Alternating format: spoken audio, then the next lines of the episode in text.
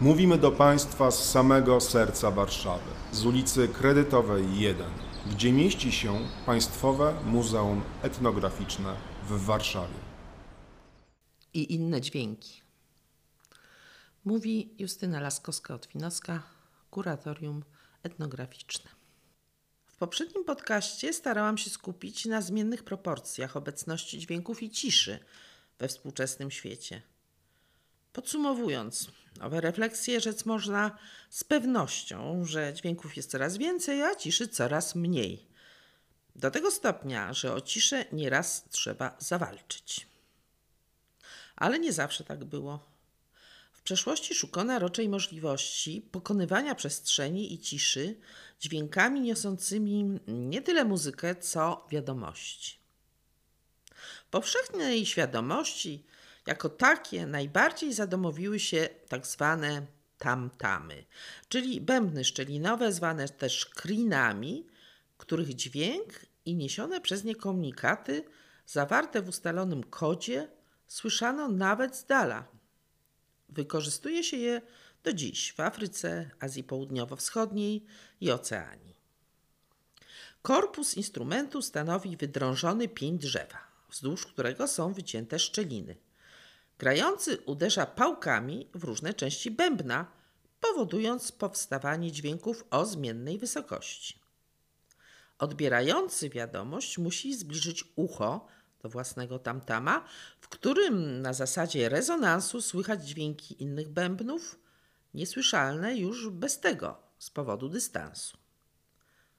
Zasięg przekazu zależy od warunków atmosferycznych, kształtu terenu oraz dokładności wykonania instrumentu i wynosi od kilku do nawet kilkudziesięciu kilometrów. Bębny szczelinowe, podobnie jak inne instrumenty należące do rodziny idiofonów, uznaje się za pierwsze wynalezione przez człowieka.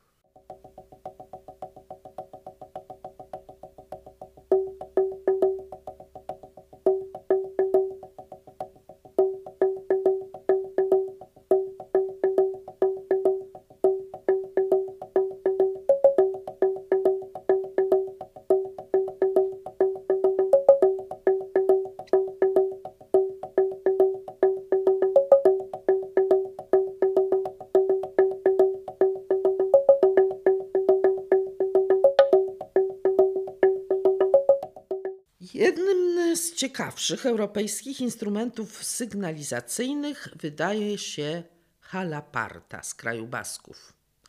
Instrument składa się z grubych drewnianych belek leżących na koziołkach, takich jak te służące u nas do piłowania drewna. Dwie osoby grające równocześnie na halaparcie uderzają weń rytmicznie drewnianymi pałkami. Odmianą tego instrumentu jest tobara, różniąca się konstrukcyjnie tym, że źródłem dźwięku są belki metalowe. Oba typy miały niegdyś różne zastosowanie. Podczas gdy halaparta, jak mówi tradycja, była używana głównie w wytwórniach cydru, by poinformować sąsiadów o bardzo sympatycznej okoliczności wyprodukowania świeżej jego partii, to tabara zawiadamiała okolicznych mieszkańców o rozpoczęciu ceremonii zaślubin.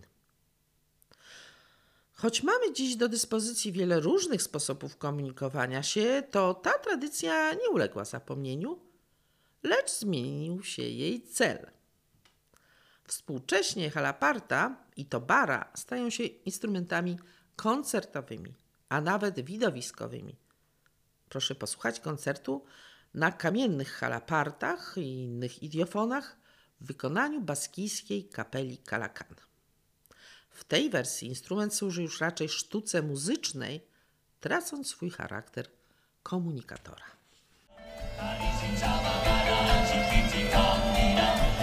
Ta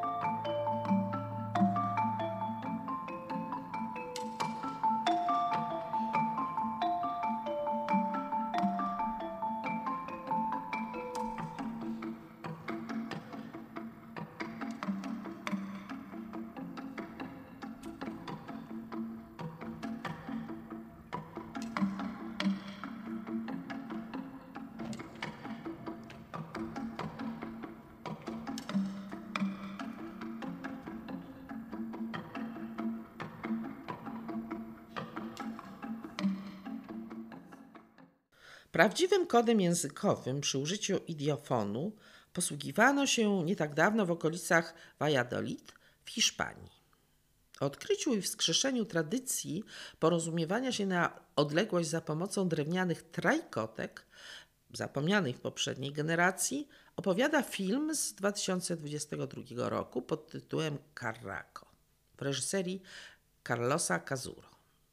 Widzowie mogli go obejrzeć w naszym muzeum e, goszczącym w 2022 roku przegląd filmów etnograficznych Oczy i Obiektywy organizowanym przez Stowarzyszenie Pracownia Etnograficzna we współpracy z Instytutem Etnologii i Antropologii Kulturowej Uniwersytetu Warszawskiego. Film pokazuje proces odtwarzania alfabetu wymyślonego niegdyś specjalnie do wygrywania na trajkotkach całych zdań. Karako Taką nazwę nosiła ta czynność. Obecnie w okolicach Valladolid mieszkańcy ponownie uczą się posługiwania trajkotkami.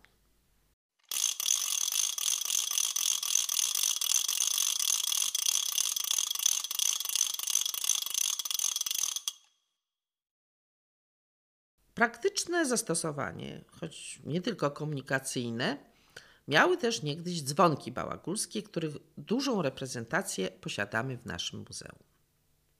Dzwony i dzwonki również zaliczają się do rodziny idiofonów, choć są dużo młodsze od instrumentów drewnianych. Ich wyrób wymagał bowiem opracowania tajników e, odlewania i był też droższy. Motto wyryte na jednym z dzwonów katedry w Szafuzie, Szwajcaria brzmi Vivos voco, mortos plango fulgara flango, co znaczy żywych zwołuję, zmarłych opłakuję, gromy kruszę.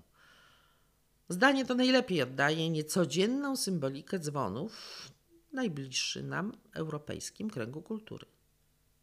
Co najmniej od średniowiecza dźwięk dzwonu towarzyszył człowiekowi od urodzin aż do śmierci.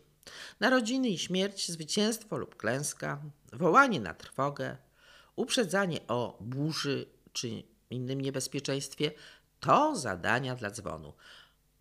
W dalszych kulturach spotykamy inną jeszcze symbolikę. Dzwon to harmonia, głos Boga, radość.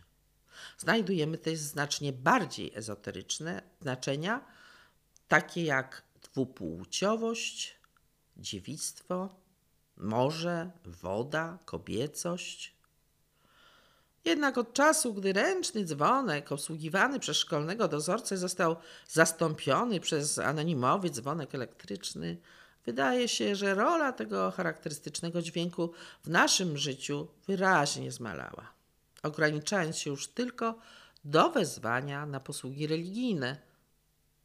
Ale sama historia dzwonów i dzwonków jest arcyciekawa.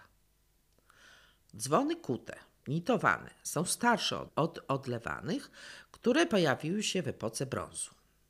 W Chinach były w powszechnym użyciu już w drugim tysiącleciu przed naszą erą.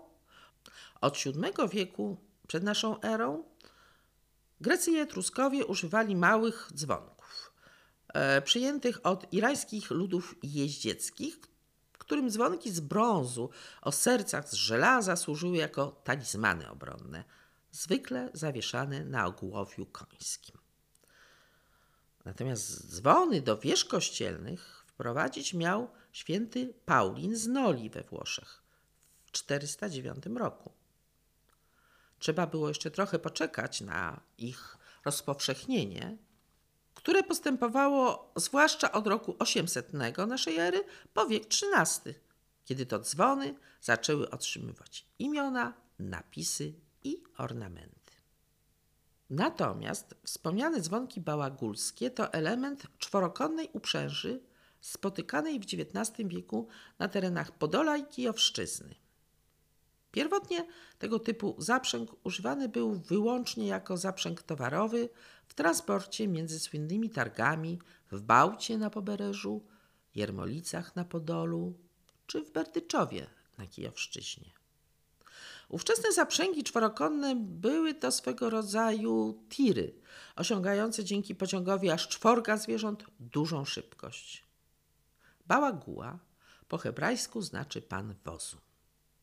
Nazywano tak woźniców żydowskich, którzy na tych terenach pozbawionych innych możliwości transportowych spełniali ważną rolę przewoźników.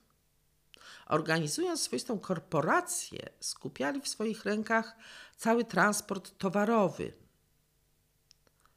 Styl bałagulskiej uprzęży polegał na maksymalnej prostocie, a charakterystycznym, niezbędnym jego elementem były dzwonki typu bałabon, kałatała lub szeptun, zawieszony na szerokim pasku na szyi konia, przypiętym wysoko do nagłówka.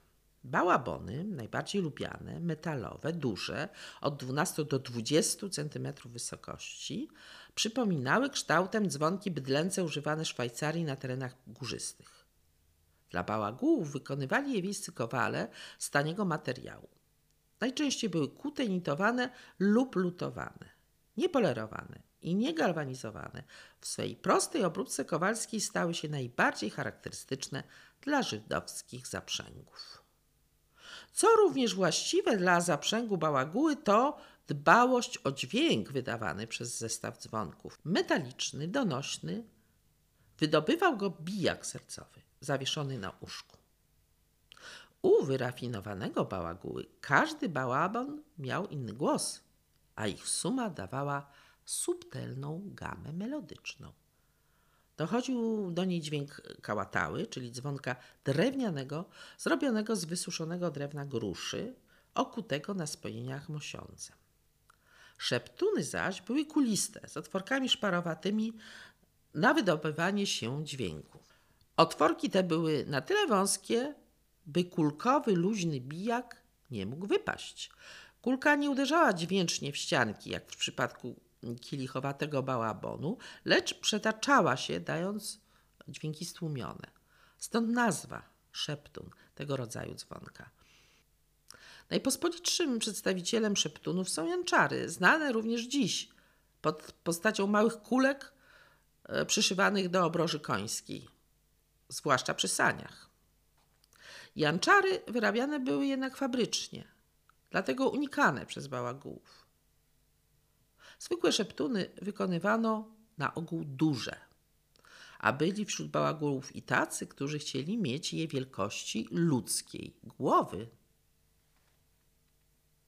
Dzwonki dobierano akordami, aby dźwięk był miły dla ucha, a najlepiej też nie do powtórzenia przez innego bałagułę i rozpoznawany z daleka. Jednak zastosowanie ich przy końskiej uprzęży miało za zadanie nie tylko komunikować zbliżanie się konkretnego bałaguły, ale przede wszystkim służyło lekkiemu otumanieniu, zahipnotyzowaniu zwierząt, które dzięki temu mniej odczuwały zmęczenie. Specjalnie dla Państwa ognisko artystyczne Pegas przy dziale komunikacji naszego muzeum wraz z autorką tego podcastu z pomocą naszej kolekcji skomponowało i zagrało krótką melodię bałagulską.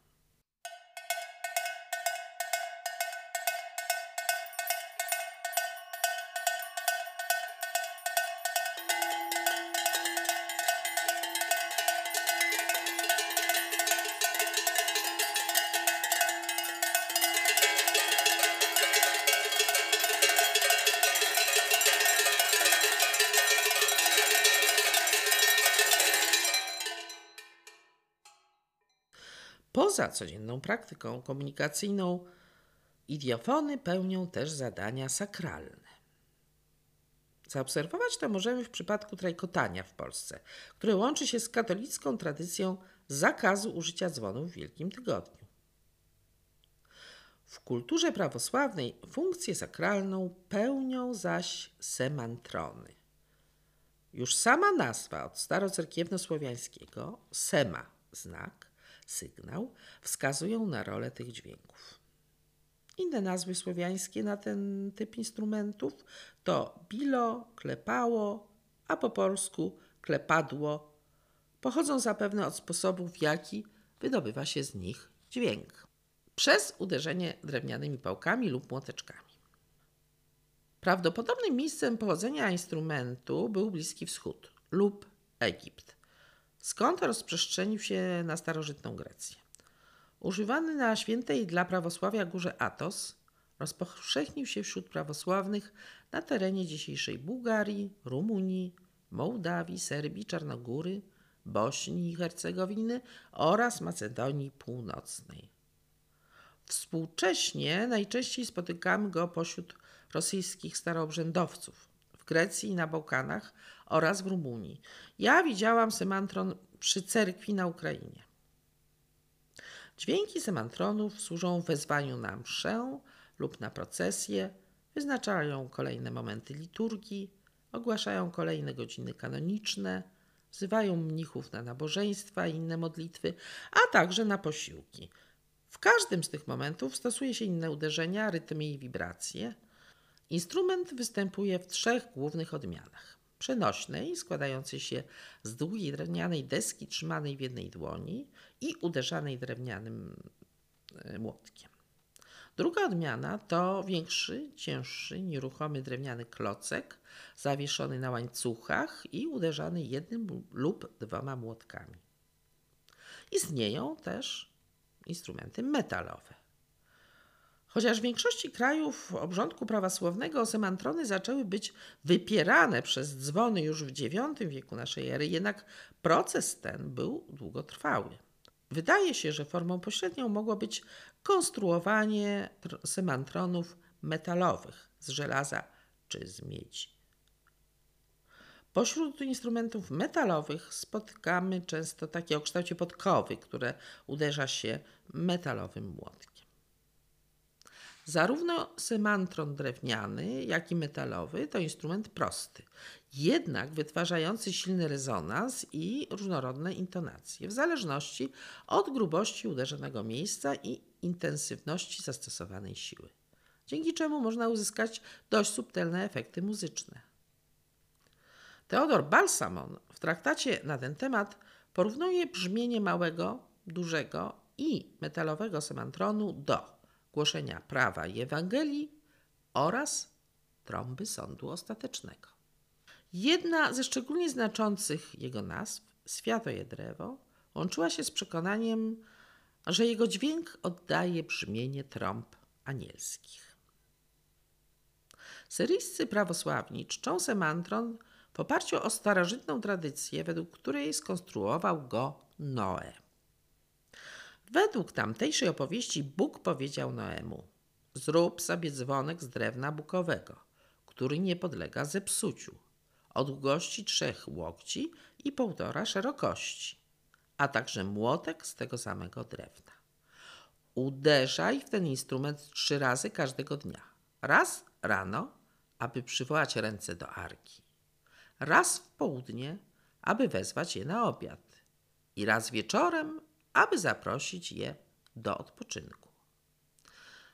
Syryjska tradycja łączy również dźwięk semantronu z drzewem ogrodu Eden, które spowodowało upadek Adama, gdy zrywał jego owac, oraz z przybijaniem do drewna krzyża Jezusa w dniu ukrzyżowania. Widzimy zatem, jak wiele symbolicznych znaczeń nakładano na grę na tych instrumentach. Interesujące wiadomości o symbolice dźwięków idiofonów możemy znaleźć w warstwie językowej. Wyjdźmy od tego, że w starszej wersji języka rosyjskiego mówiono o nich kolokol. Starocerkiewno-słowiańskie słowo kolokol we współczesnej wymowie rosyjskiej i ukraińskiej brzmi bliżej kałakał. Pamiętajmy, że wschodnie języki słowiańskie posiadają głoskę pośrednią między L a L, obecną również w języku polskim do II wojny światowej. Słychać ją w wymowie przedwojennych aktorów. Wyraz kałakał w językach naszych wschodnich sąsiadów oznacza też gaworzenie, bajenie, jąkanie się, mowę bełkotliwą, a nawet bzdurną oraz dziecięce bazgroły. Można nim określić takie zwroty w języku polskim jak tralala czy bla bla bla. Poruszając się jeszcze głębiej w przeszłość języków europejskich, znajdujemy bardzo dawne korzenie kałakoła. Staroindyjskie kalakach oznaczało krzyk, zawołanie, niejasny hałas. W językach indoeuropejskich nabrało ono kształt łacińskiego calare, które również oznacza zwoływanie i krzyk. Pochodne kalakach znajdujemy we wszystkich chyba językach europejskich, na przykład jako call w języku angielskim. I teraz nadchodzi moment, żebym wyjaśniła Państwu, dlaczego zabrałam Was w tak odległe od siebie rejony geograficzne, historyczne, jak starożytne Indie, średniowieczną Ruś, XVIII-wieczną Ukrainę czy współczesny kraj Basków. Otóż jest to wyprawa językoznawcza, której głównym bohaterem jest ciągłość znaczeniowa staroindyjskiego słowa kalakach. Halaparta jest bowiem wirtuozerskim instrumentem baskijskiej kapeli Kalakan. Nazwa zespołu oznacza w języku baskijskim błahą pogaduszkę, lekkie gawędzenie, takie sobie bla bla bla. A zatem, jakie znaczenie chce oddawać to starożytne słowo służące określeniu instrumentów sygnałowych, a jednocześnie ułomnych sposobów wypowiadania się? Otóż stawiam tezę, że twórcy tytułowych innych dźwięków chcieli zwrócić uwagę na ich wyjątkowość, że są one czymś, co nie jest ani muzyką, ani ludzką mową, lecz dźwiękowym znakiem służącym wprawdzie komunikowaniu się, ale jednak niezwykłą rozmową. A może jak głosi wspomniana wcześniej nazwa semantronów, jest to jednak mowa aniołów? Ostatni utwór, gra na semantronie, pochodzi z kanału YouTube.